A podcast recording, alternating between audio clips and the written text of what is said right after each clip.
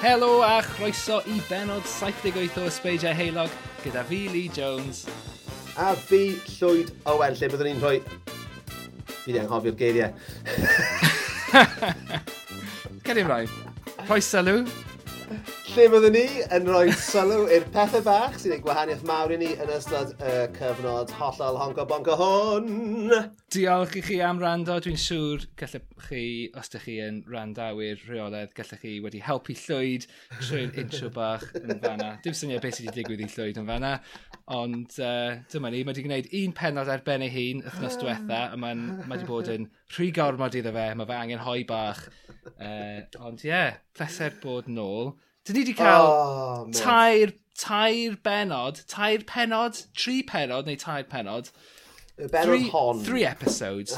three episodes gyda gwesteion. Felly, just ti a fi sydd yma yeah. i, i falu arwydd. Oh.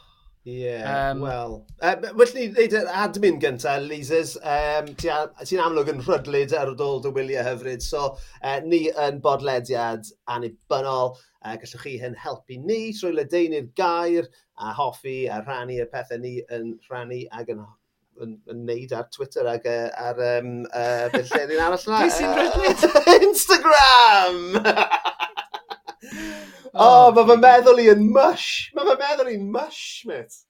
Wel, fel arfer, wedyn ni'n recordio benod yma yn ystod y dydd. A fel arfer, dyn ni'n dda pan dyn ni'n recordio yn oh. ystod y dydd. Dyn ni'n siarp yn dyn ni. Ond... Uh, Dim heddiw. Nid heddiw. Mae yna reswm, hynny. Nw'n i ddod at hwnna mewn munud wrth gwrs. Ond ie, dyna'r admin allan o'r ffordd. Chi gyd yn gwybod y drill. Os ych chi ddim, cerwch nôl i rando ar y benod ddiwethaf oedd yn llawer mwy rhugl. Ond dyma ni. Uh, Leaders, lle ffoc ti di bod, dude? O, Tenerife boi. Ie, yeah, o'n i yn Tenerife pan oedd y ti'n uh, ymweld a Hugh Evans. Felly, ie, yeah, o'n i, uh, o'n i ar yng ngwyliau bach i ac oedd e'n braf iawn. Wel, ti'n gwybod beth? Wel, dyd ddim yn rhy gynnes. Dyna thing yw, ti'n mynd i Tenerife achos ti'n disgwyl i'r tywydd bod yn gynnes. A dwi'n meddwl falle oedd e'n tua 20 degrees, really. Dydde ddim really lot mwy na hynny. Ac os ydych chi yn y cysgod, oedd e'n oer. Oh, no. So, Nips uh, ar ddangos ti. Apparently, yr wythnos cyn a'r wythnos ar ôl i ni fod yna, oedd hi'n 27, so oedden ni jyst yn anlwcus iawn gyda hynny. Ond, ie, uh, yeah, oedd e'n braf, oedd e'n hwyl. Ti, ti, ti ddim yn cael cwyno am y tymheredd yn, yn, yn, yn, yn yr ugeiniau isel, tra bod ni gyd yn un yng nghanol y geiaf. Ac yeah. fi'n siŵr, ti'n bo, mae hwnna actually'n ideal o ran tymheredd i rhywun uh, mor foel a ti, achos ti ddim, ti ddim eisiau um, llosgu'r gromen, o'i ti, yn ormodol. Wel, ti'n gwybod, factor 50, ti'n ffain. Ti ddim yn gwisgo na. hankes boced ar dy ben gyda'r corneli wedi twisto, ti ddim? Na, na. Bring it back, dwi, well, man, dwi, bring it back! Dwi'n dwi het wisgiwr yn, yn y wlad yma, so ti'n gwybod, jyst yn cario'r steil ymlaen dramor hefyd. So pa fath o het ti'n gwisgo? Ti'n gwisgo het bucked neu... Ah, Neu well, woolly hat fel Sean Glynn a Griff Rhys. Baseball cap. Basically, mae profile picture fi ar Twitter, yeah. hwnna yw be dwi'n edrych fel 24-7. Okay. Os ydych chi'n gweld fi yn y stryd, does na ddim syndod. Yeah. Tymod. Uh, achos weithiau, tymod, mae rai pobl... So, yeah, yeah. Just yn ymddangos yn wahanol. Mae hwnna jyst yn ffain, achos tymod, mae lluniau mae lluniau'n gofnod o un cyfnod amser, ond na fi, dwi, fel arfer yn gwisgo'r union yr un dillad sydd yn y profile picture hefyd, so ie, yeah, Tyn. dim syndod o gwbl. Ti Ti'r dyn mwyaf dilys ar Twitter yn amlwg, achos mae fy profile picture i ar hyn o bryd, uh, llun o camel yn smocio ffag yw e. I don't know os ti di gweld e. O'n i yn meddwl beth e. o dde. Mae'n garden post o'r aifft. Amser nes i'r aifft yn y flwyddyn 2001, oedd y garden post yma yn bobman, so o'n i'n hala hi i fy ffrindiau ac i fy nheulu, just fel, hwn yw'r garden post gorau fi byth wedi gweld yn mywyd. a wedyn, tua dig mlynedd yn ddiwedd arach, ath fy ffrindi Finchi i'r oeth a anfon yr un un i fi. Amazing. yeah, man. Amazing. So, caru fe. So, yeah, iconic. Ni, mae, e, ti wedi bod, ag, ag wrth gwrs, fi'n meddwl taw dyna, dath, dyna lle dath yr enw am y cigarettes camel o, ynddo fe, achos mae camelod yn hoffi smocio fags, fel ni gyd yn gwybod. Cari fags. Um, mae yna wir hefyd, mae yna, chi'n gallu dyfynu fi ar hwnna. Ond ie, yeah, so ti wedi bod yn Tenerife. Um, Do. bwyd da, cwrw da. Wel ie, yeah, ti'n gwybod. Wastad, wastad yn mynhau cwrw. Yeah. Ta beth. Um, oedd y bwyd, Wel, oedden ni'n half bored ac yn aros yn, um, tymod, gwestai, tymod, y fath o, um, y y fath o westau lle, ti'n gwybod, lle mae yna all-inclusive. Doeddwn ni ddim yn all-inclusive, ond ydych chi'n gallu os ydych chi eisiau. Ac, um, chymod, uh, buffets, pethau fel yna. Yeah. Um, oedd e fel yna, ond, ond, gathon ni, ti'n nath ni fynd allan am fwyd hefyd, ac oedd e'n neis. Oedden ni'n chwilio am y llefydd neis i gael fwyd, i gael bwyd, ti'n y llefydd, ti'n y llefydd tywed, lle oedd pobl lleol yn mynd i yn okay. hytrach na Brit Abroad. Achos oedd e'n very Brits Abroad lle oedd e'n mm, Nes ti fwyta unrhyw beth weird mas yna? Mm, na, na, na, probably not. Na, na, na. Just mod steak and chips. Ti'n cael, cael full English bob bore? Uh, oh, na, nes i ddim actually. Oh my god, odd. Ti'n gwybod be, sôn am y buffet. Wow, my god, nes i weld y teulu mwyaf fucking weird i fi erioed gweld yn fy mywyd. Ti'n chwerth na sy'n meddwl dwi'n fod yn greulon, ond... Go on, fi eisiau gwybod na, fi eisiau gwybod. So, oce, okay, so o'na'r teulu yma. O'na pimp honno nhw, so, y mam a tad. O'na dau blentyn, bachgen a merch. Oedden nhw tua... Bys i dweud tua 12, 40, tua hynny. Ond hefyd, oedd na fenyw arall, a dwi'n meddwl falle au pair oedd hi. Right. Oedd gyda nhw iawn. Yeah. A, um, so, yr unig lle o'n i'n gweld nhw oedd, oedd yn y buffet. Ac um, oedd, oedd nhw, pan oedden nhw'n siarad, dwi'n ni ddim yn gallu pigo fyny pa iaith oedden nhw'n siarad. Dwi'n gen i ddim syniad o gwbl o le yeah. mae'r ma, ma bobl yma'n dod. Achos dwi e ddim yn, dwi e ddim yn iaith gyfarwydd i fi o gwbl. Yeah. So, so, dwi, e Nes di ofyn iddyn nhw i siarad Saesneg? Almain. Na, o'n i ddim eisiau siarad yn nhw llwyd, just aros a di. Go on. Uh, so, be dwi'n be dwi meddwl yw, well, na just, na just disgrifio, a na gadlu ti penderfynu beth wyt ti'n meddwl, cyn i fi okay. rannu beth dwi'n meddwl. So, oedd, nes ys cerdded heibio unwaith, ac um, o'na just, o'na plat ar y bwrdd, ac o'na just tomen anferth o salad, Ac yeah. oedd e, ac oedd e kind of nionod arno fe hefyd, ac oedd e, oh, mae'n a loads o um, tomatoes. Ni'n meddwl, like, mae'n weird bod nhw wedi just cymryd hwnna o, ti'n just cael platiad anferth o hwnna, just dod o fe jawi i'r bwrdd. Ond, ty beth, mae hwnna'n ffain. Ond wedyn, y diwrnod nesaf nes i sylwi, oedd y dyn, y gŵr, oedd y teulu, y tad, oedd e'n bita, o'na domen anferth ar ei blat o uh, melon, yeah. ag oedd e oedd e jyst yn bitau ffordd trwy hwnna. ac Wel, hwnna'n eitha weird. A wedyn dyma fe'n codi, mynd nôl, dod nôl gyda platid arall o melon, a gwneud e eto. Nath i wneud hwnna tair gwaith. So mae wedi bwyta pedwar platiad o'r melon yma. Yeah. A wedyn, wel, yn ystod, yn ystod yr un olaf, nath e fynd i nôl y platiad anferth o, o salad yna, a roi yna ar yr ochr wrth i fe fwytau platiad olaf o, o melon. A'i rai gen gwneud yr un, uh, yr un peth, really. Beth oedd e un bwyta? doedd hi ddim yn bita melon, ond oedd hi just yn tymod, bita salad i gyd. Ac oedd nhw'n rhoi... Dim, dim halen a pipin ydy byd, just, tymod, bach o lemon arno fe. Oedd y plant yna, chymod, just yn bita tymod, pizza, chicken nuggets, ac oedd y row pears yn bita byd bynnag. Ac dwi'n gwybod, rhaid oedden nhw'n fruitarians neu rhywbeth fel yna dyna'r dyna unig beth o'n i'n gallu meddwl. Ond oedd y ddau ohonyn nhw yn eitha kind of... Oedden nhw'n eitha slim, Ond oedd e, ti'n bod, just fel gwynebau garw arnyn nhw, ti'n bod? Oedd e just... E gwynebau just... siap melon. Wel na ci, gwynebau, chi'n bod, gyda ongle iddyn nhw, ti'n okay. bod? Ydych chi'n gallu gweld esgyr neu um, ei boche a ti'n bod. Wel, sy'n rhyfedd os to'n y gym yn nhw'n bwyta yw lettuce a melon. Oedd, a, a, a dyma'r thing, ti'n bod, oedd y plant ar OP, oedden nhw'n gorffen eu bwyd, wedyn dyma nhw'n mynd, achos dwi ddim yn aros yn gwybod, ac oedd uh, a'r graig yma, jyst yn eistedd yna, ochr wrth ochr, ddim hyd yn oed yn gyferbyn ei gilydd, ochr wrth ochr gyda'i tomenni o, o, o salad, ac oedd e jyst yn edrych yn arteithiol, a fel bod nhw jyst yn, mae'n rhaid i fi jyst cario ymlaen bita, cario ymlaen bita, just, achos, ti'n tymod, os, os ydych chi jyst yn bita hwnna, mae'n rhaid chi bita loads ohono fe, nice. er mwyn cael y calories. Ie. Yeah. Ac oedden nhw just, oedden nhw just yna yn eistedd yna, oedd e fel, ti'n ti wedi gwylio, ti wedi gweld fideos o fel hot dog eating competitions, a maen nhw just, oh, maen nhw just yn edrych yn blinedig wrth nhw, wrth nhw cario ymlaen i fita. Dyna beth oedden nhw'n gwneud, oedden nhw'n uh, just yn gorffwys ar ei, ar ei rhoi dwylo ar ei gen wrth nhw gorffwys ar yna, just trio, just, oh, just palu mwy o fwyd mewn i'w cega nhw. Oedd y ddau ohonyn nhw yn edrych mor ddiflas wrth nhw fita. A tyma, dim syndod bod ganddyn nhw OP, achos i edrych ar ôl y plant pan bod nhw... Dim egni dyn nhw! Awr! Na goes, dim egni, a mae'n cymryd awr iddyn nhw fita pob pryd o fwyd. Ac oedden nhw, a hefyd beth oedden nhw'n gwneud, oedd ganddi hi tote bag, ac oedd hi jyst yn llenwi hwnna gyda bananas pob bore. yn brecwast, jyst llwyth o bananas, dwi'n cymryd nhw gyd.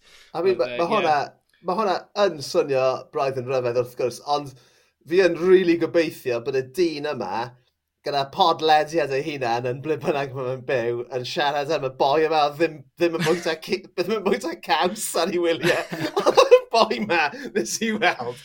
A oedd e'n tynnu caws off popeth, oedd e'n gofyn am pizza heb gaws. A oedd e'n really ddiflas. O'n i jyst yn cael chips gyda pob dim. Chips a pasta. Chips, chips nes i weld i wedi cael chips a spaghetti bolognese. Yeah, dyna fi. So, so ti really mynd yn drwm ar y cabs, Yeah, a, yeah, a nhw'n yeah. mynd heb unrhyw cabs o gwbl, ia, yeah, mi'n gallu ni ddim byw fel yna. Ond nah. mae ma shits nhw siarad fod yn really iach. O, oh, na, no na, way. na, na, right, na, na. na. Dim, dim, dim byd i rwymo, dim byd i rwymo. Na, gais, dim, dim byd i gadw nhw at ei gilydd. Just, pwff, just yn disgyn allan ohonyn nhw, pob tro maen nhw'n tisian. Puppies dŵr. just, oh my god. Yeah, So, so, so yeah, hwnna, hwnna oedd y highlight. I, Diwylliannol uh, iawn yn Tenerife yn amlwg. Yeah. Oh my god. Ach, achos wedyn, unwaith, unwaith o'n i'n sylwi nhw, oedd e fel, so, pob pryd o fwyd ar ôl hynny, oedden ni yna, oedd e'n oh, dyma nhw eto. Dyma nhw eto. Salad boys. Um, oedd e'n weird, oedd e'n weird, ond... Yeah, um, Ond fi'n yeah. caru hynna, fi yn caru gwylio pobl ar yng ngwyliau. Mm. Mae jyst dim byd gwell os yna, e? jyst eistedd eiste lawr a, a beirniadu pobl o bell. Ac oedd rhain yn hawdd iawn beirniadu llwyd.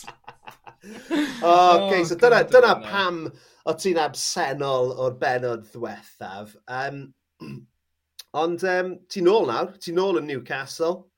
Dy draed ar y ddeiar. Beth ti'n bod yn neud? Ti'n brysur? Wel, hei, Wel, ti'n gwybod beth, ti'n gwybod beth sydd sy yn hyfryd? Mae'r flight path nôl mewn i Newcastle, wrth i chi ddod lawr ar yr awyren, yeah. dych chi'n dod ar hyd yr arfordir a heibio oh. Whitley Bay. A dych Ti'n gweld y di? Wel ie, yn union, gweld, achos, achos dych chi'n reit isel hefyd, so chi'n gallu gweld pob dim yn eitha agos, a chymod, dych chi'n cyrraedd pen Whitley Bay, mae yna goleidi, a wedyn dyna lle mae'r awyrennau yn troi er mwyn mynd mewn i'r maes awyr. So they're just fel, oh, dyma ni, final sweep, gweld Gweld y catch. Oh, mae hwnna'n hwnna eitha thrilling fi'n siŵr. Ie, yeah, lefryd.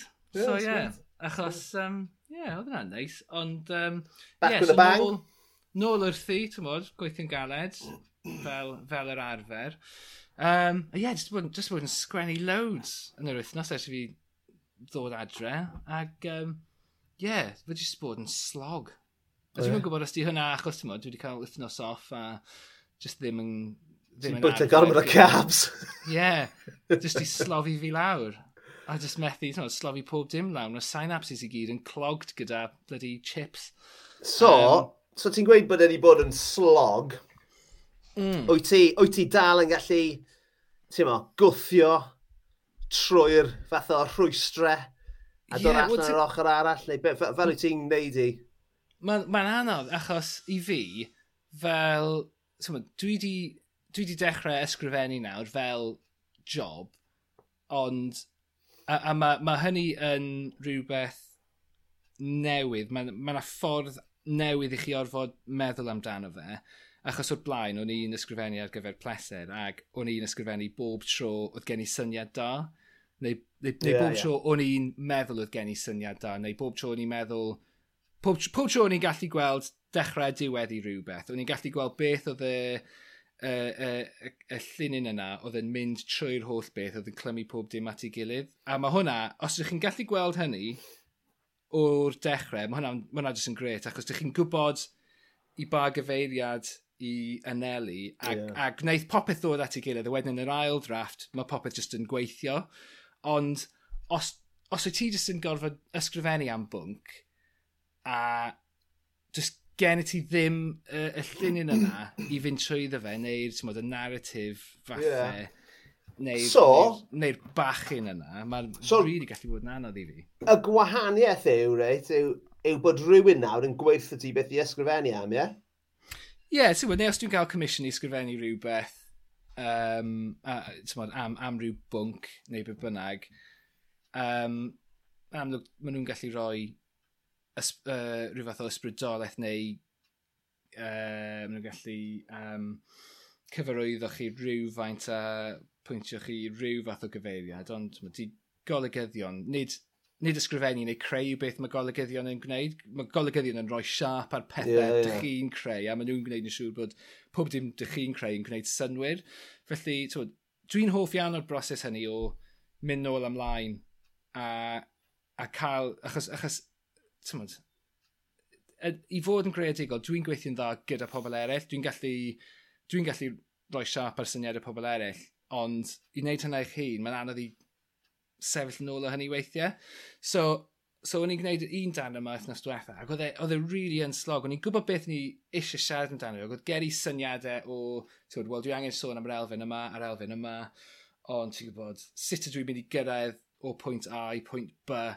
a siarad am y pethau yma. Ori bai bod fi just yn, just mynd, bleh, tymod, verbal diarrhea, just llychio pob dim ato fe, yeah. a wedyn trio gwneud symud o'r peth wedyn. Ond wedyn, dyna, dyna wedyn yw, yw sut mae, tywod, dyna, dyna'r grefft wedyn yn diwe yw i allu, i allu cyrraedd word count ac i allu creu pethau ac ysgrifennu rhywbeth sydd yn gwneud synwyr sydd yn gallu cael ei ddiwygio wedyn er mwyn gwneud synwyr ohono fe.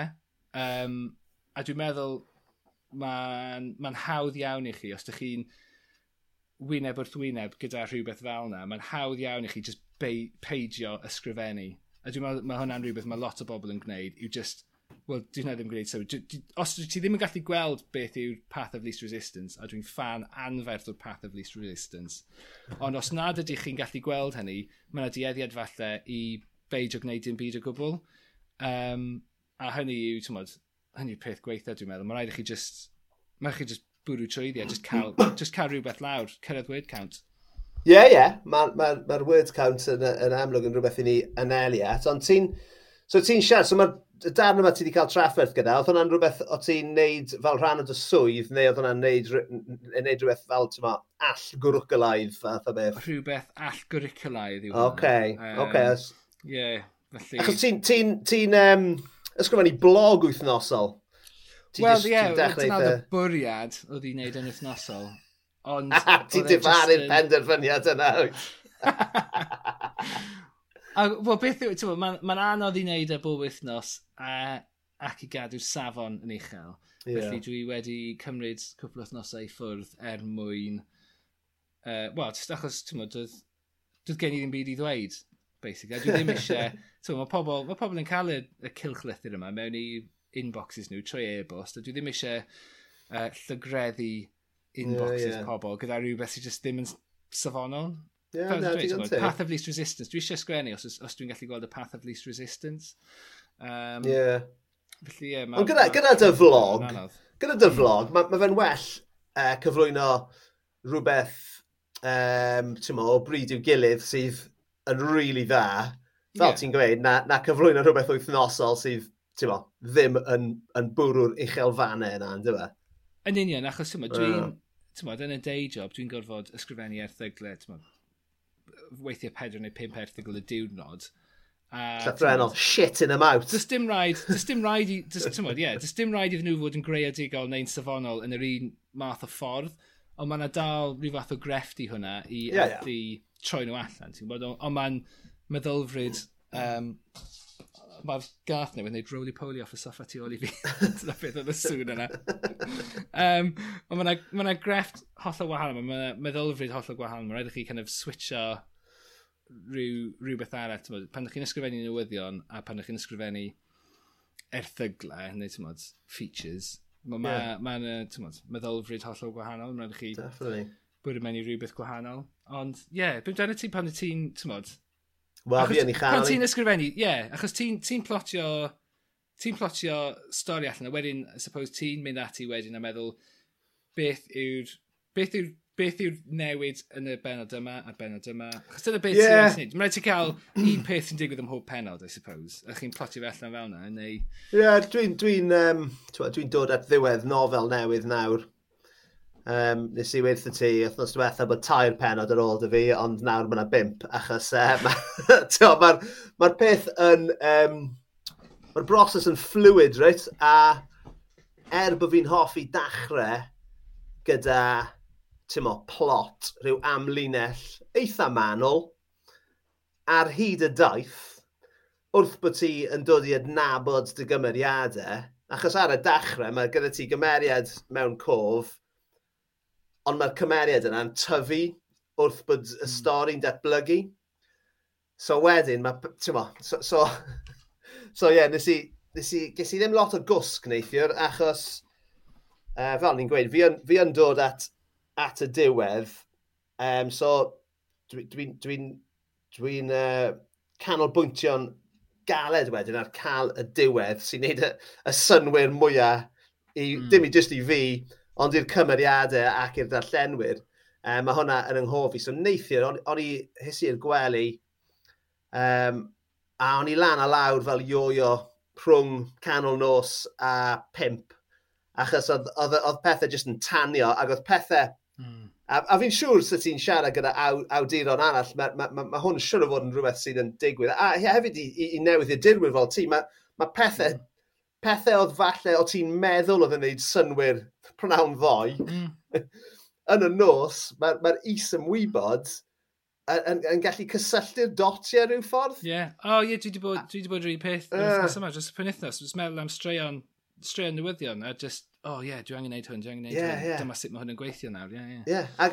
A, a, a, a o ganlyniad, ti'n ma, ma, a, a, a, be, be sy'n digwydd yw bod chi ychwanegu mwy at y, e, at y stori, yn dyma. So hence, wrthnos diwethaf, o'n i'n meddwl bod tair pen yn ôl dy fi o'n armon y bimp.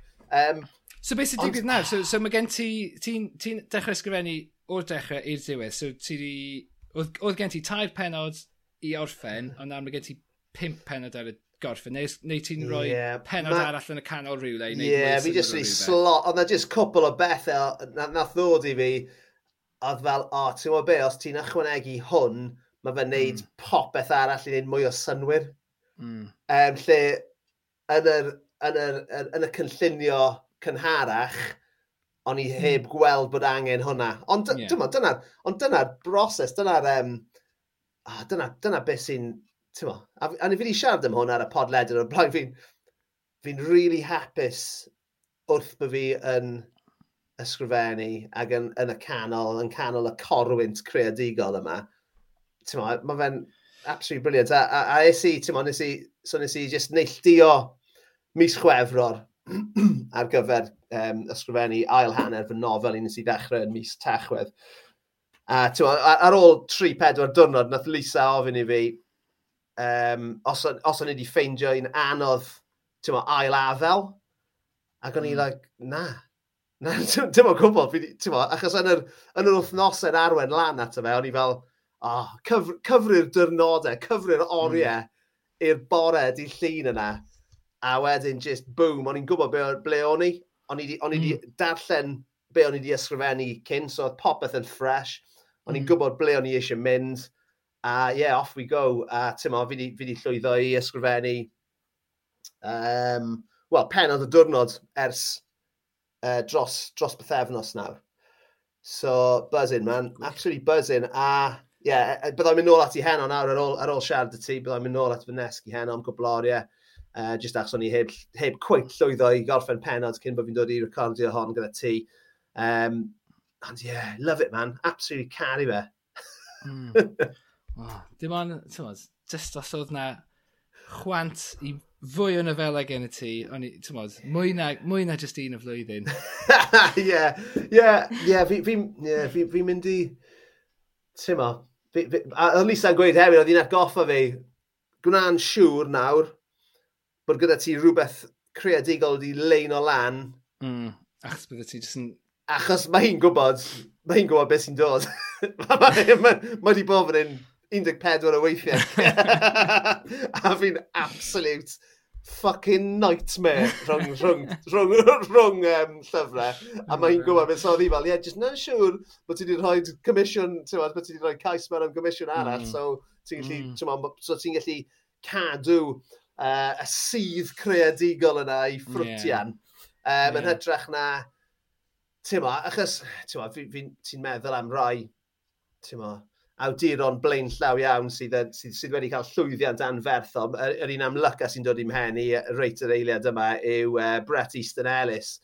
Um, mm. mae fe, mae fe llythrenol yn cymryd blynyddoedd um, yeah. rhwng, rhwng, i, uh, rhwng, rhwng i nofelau. Ond wrth gwrs, mae fe... A mae fe'n gallu, achos milionau. gwerthu loads. Ie, yeah, exactly. union. Mae gen fe'r rhyddid i wneud hynny. Ti'n bys fe'n lyflu gallu uh, mynd i Tenerife am chwech mis rhwng, rhwng nofelau, ond... Mm not happening. Not happening. Ond uh, on, yeah, ond yeah, so, so yeah, mae rhaid i fi feddwl am beth sy'n dod nesaf. Ond mae hwnna'n beth da, anyway, yn dweud, i feddwl, ti'n modd, yeah. am, am y peth nesaf. Mae gen i... Um... A ti'n gwybod, ti'n gwybod bod na gyfle hefyd, ti'n gwybod, achos ti, yeah. ti di sefydlu dy hun eisoes fel awdur, felly ti'n gwybod, ti'n gwybod, so long as bod yr un yma, bod ti'n gweithio yna fe nawr, so long as bod hwnna jyst yn cyrraedd yr un fath o safon ac o'r yeah. blaen, bydd hwnna'n gwneud yn oce, okay, a tymod, mae'n anhebygol i ti beidio cael y cyfle i wneud un arall, right? Gobeithio, ie, yeah, na. Yeah. Ond ti'n gwybod, mae gen ti, ti'n gwybod bod ti yn y sefyllfa yna lle bod na'r cyfle nesaf yna, so ti'n yeah. ti gallu, ti gallu edrych o, mod, at, at y cam nesaf fyny. Yn, o dw, na, dwi, dwi, yn, dwi yn ffodus iawn o, o ble ydw i, ti'n um, o ran yn safle Tewa, fel awdur sydd wedi, wedi hyn sefydlu erbyn hyn. So, ie. Yeah, un, dwi... un o cewri Uh, well, o'n i ddim yn mynd i ddweud e, Lee, ond uh, diolch am hwnna. Oedd hwnna e unig dad ni wedi sgriptio ar gyfer y benod yma. ond ie, yeah, so, ti'n mors, be ni siarad am hynny, yw yr awen, yna, yr awen, uh, Lee, ti'n mors. Uh, yeah. So, ti'n mors, hir y parhaed iddi fod fel hyn, yn dyma, so... Uh, ti'n tymod. So be ti di bod yn gwneud sy'n cadw ti'n hapus? Oh man! Wel, ti'n eh, gofyn well, nôl... Achos mae hwn yn cadw ti'n hapus, ond ie. Yeah. Mae hwn yn cadw fi'n hapus. I mean, ti'n be, fi'n... Fi, um, fel ni'n gweud, fi, fi yn... Fi yn. ni wedi siarad am bwn boi polar a stuff ar y podled yn yma, fi'n meddwl. Po hwn, ti'n fi ar yr... Uh, on, on the upslope yn sicr, ond um, fi, fi cofio sôn, falle nôl y mis tachwedd, uh, a'r benod bod, uh, bod fi wedi bod yn loncian, a bod loncian, a uh, bod fi wedi actually parhau gyda'r loncian, a dwi heb cael anafiadau. A dwi'n dweud fe eto. Ti eisiau gweud loncian eto? Ie, yeah, o'n i'n teimlo be, o'n i'n fan mawr yn y benod uh, wythnos diwetha o Hewin disgrifio ei hun fel lonciwr brwd. lonciwr brwd. Wel, dwi, dwi erbyn hyn yn lonciwr brwd. Um, a dros y penwthnos, E, mae fy mrawd i, Rhys, e, mae fe yn rhedeg hanner marathon cas newydd mewn pethefnos. So, na fe wertha fi bod e'n rhedeg o gastell Caerffili i gastell Caerdydd, sydd yn 11 milltir. A wedi si, wel, fi ddim cweit yn barod i redeg 11 milltir, ond na i gwrdd y ti yn Castell Coch, a na redeg gyda ti o Castell Coch i uh, i Gaerdydd, sydd tua naw milltir, so ddim lot yn ni. Ie, yeah, um, yeah.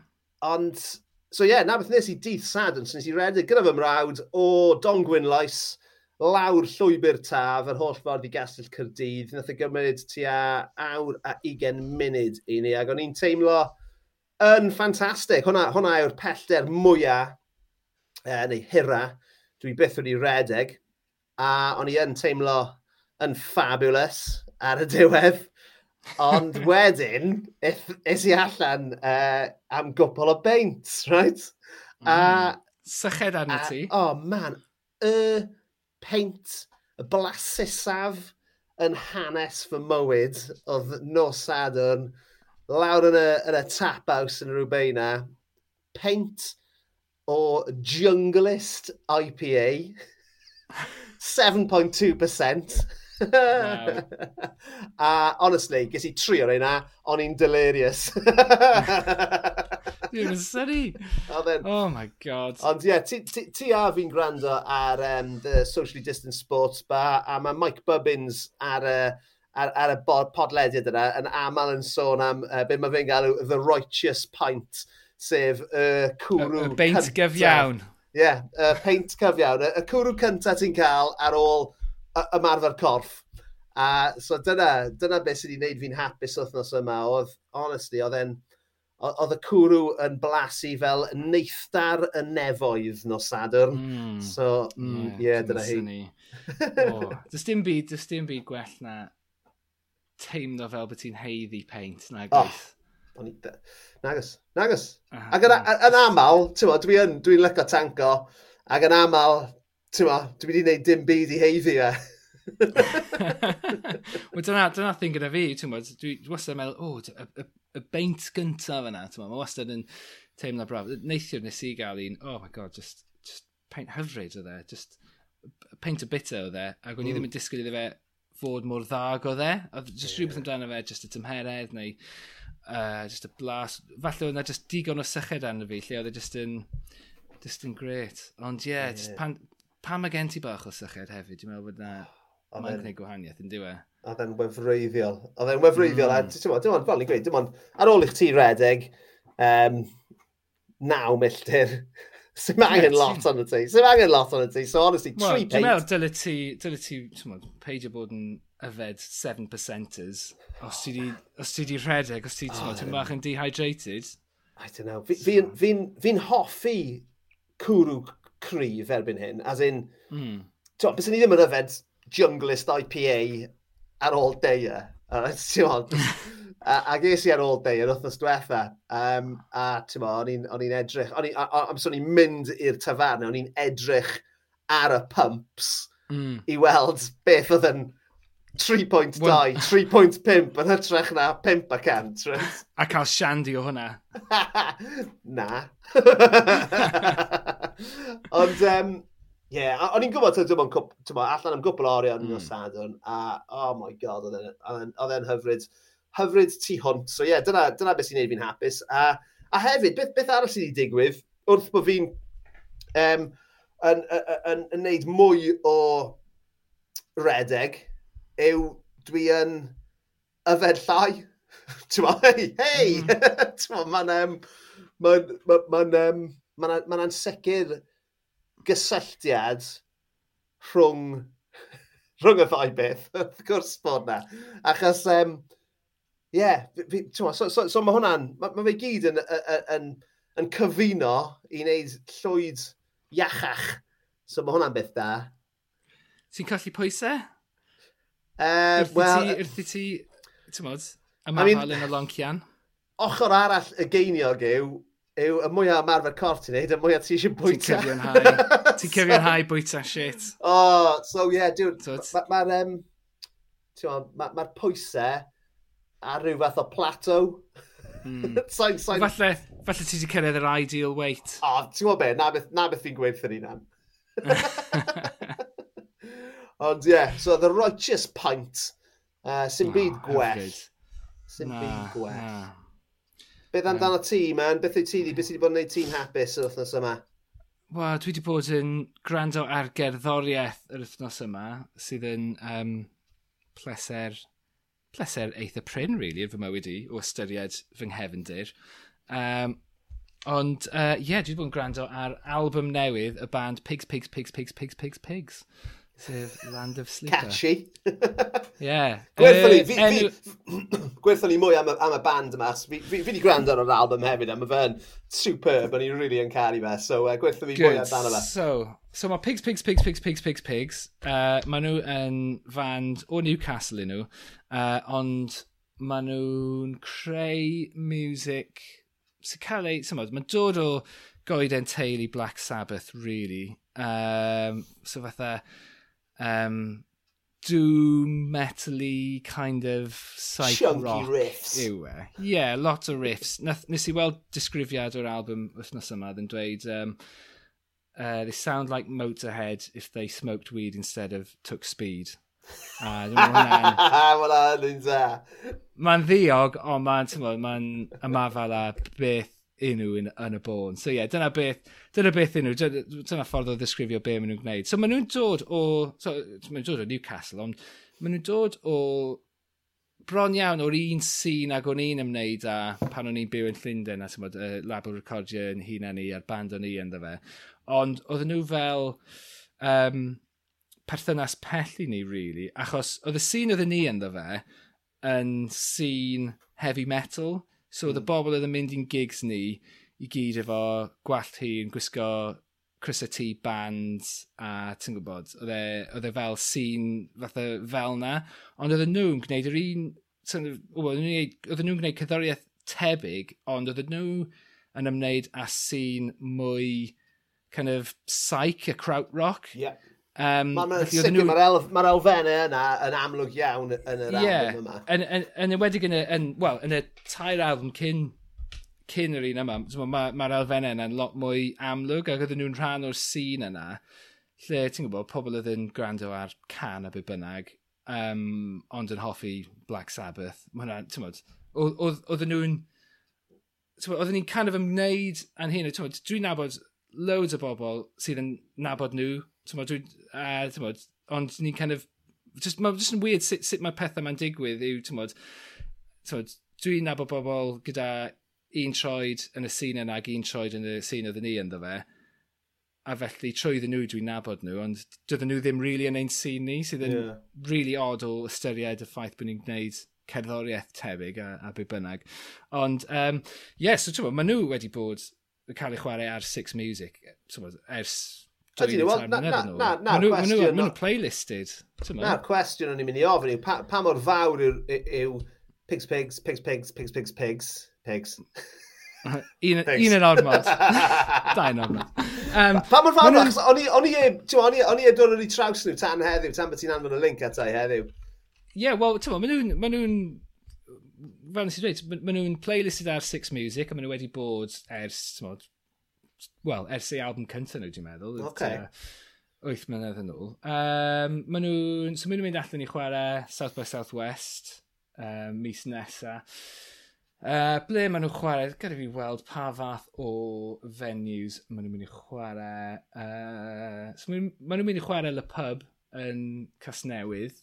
Okay. Ond maen nhw'n chwarae yn Newcastle, neu Gateshead yw e, technically. Maen nhw'n chwarae Sage. So, so Sage yw, ti'n bod, y uh, tu opera mawr. Oh, maen nhw'n yeah. chwarae'r nhw chwarae ail stafell yn hwnna. Ond tymod, mae hwnna dal yn rhyw 6-7-8 cant o bobl okay. fydd yn mynd okay. yna i'w, iw gweld nhw. Um, so, maen nhw'n ma nhw'n eitha fawr, ond maen nhw, maen nhw ar daith nawr am tua tair mis. Tymod, so, chwarae teg iddyn nhw. Um, O'n i yn hoffi nhw, achos ti'n mo, dwi'n um, dwi fwy um, Stone a Rock yn hunan, dwi'n mm. dwi caru, I mean, mae ma Black Sabbath yn, yn uh, yw'r, yw greiddyn i hwnna hefyd, i fod yn honest, y yeah. fath o really sludgy uh, rock araf, pethau di araf i lawr oherwydd, mm. uh, ti'n modd, y weed.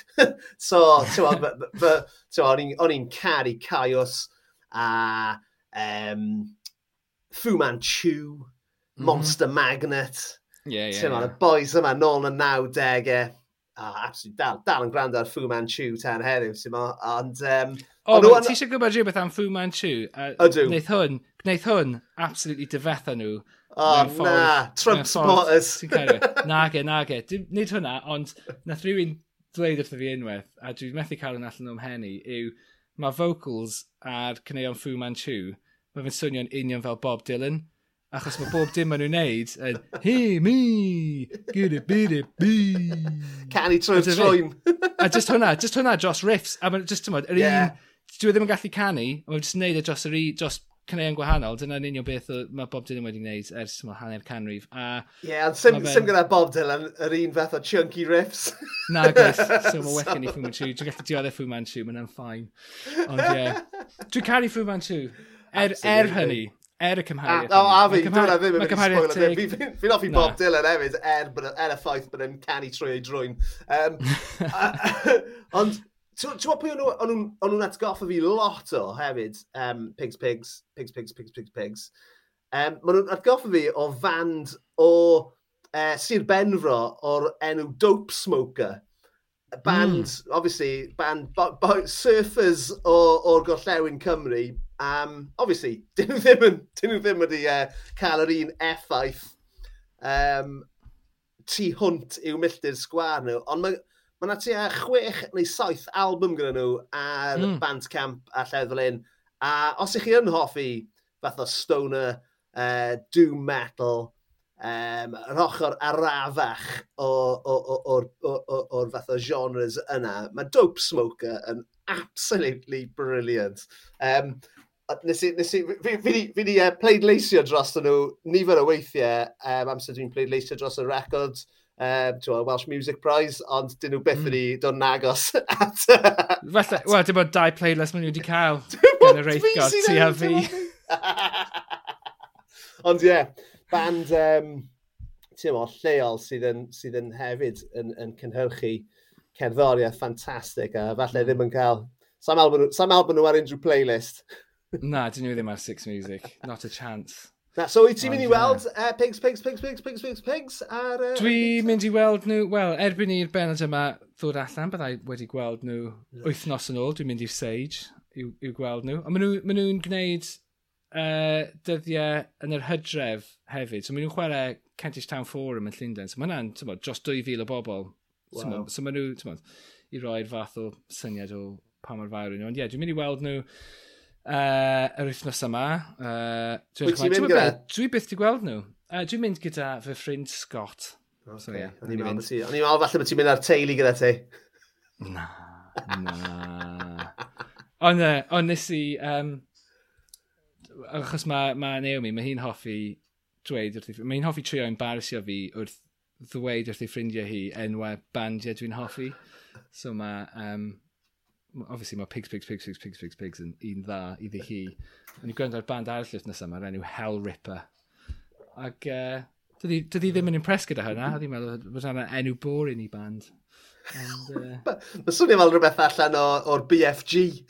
Ie, yeah. ond ti'n gwybod be, mae Hell Ripper yn swnio'n union fel ti'n meddwl bod nhw'n mynd i swnio. Yeah, man.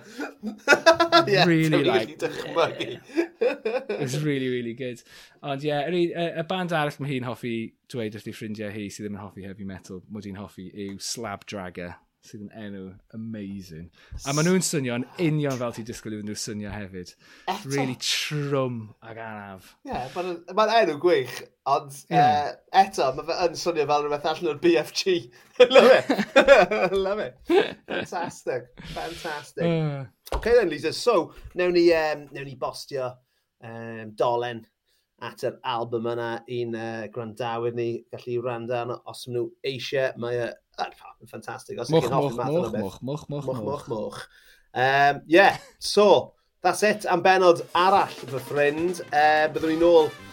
O, oh, gallwn ni, gallwn ni gyhoeddi pwy yw'n gwestau nesaf, neu ti'n meddwl? Neu ti eisiau cadw yn ôl? Dwi'n meddwl, gyd nawn ni ddweud yw bod na wir tryso'r cenedlaethol ar y benod nesaf. Oes, a mae wedi cael ei recordio barod. It's in the can. Dwi hwnna ddim mynd i newid, so watch this space. Oedd, um, Ie, yeah, un, un o'r pethau mwyaf thrilling fi beth wedi wneud. dwi methu aros, dwi methu yeah. aros i gael hwnna. Clas, man. So, yeah. nawch yn siŵr ein gwrandawyr hefyd bod chi'n ymuno gyda ni eto wythnos nesaf. Um, yeah, diolch i chi gyd am rando. Diolch i ti, Lises, am gadw cwmni i fi. A byddwn ni nôl eto i falu cachu. Gyda rhywun sydd ddim yn heiddi ni'n malu cachu o gwbl. Ond o fi yn dda iawn yn gwneud. Oedd. Clas. Ta-ra! Yeah.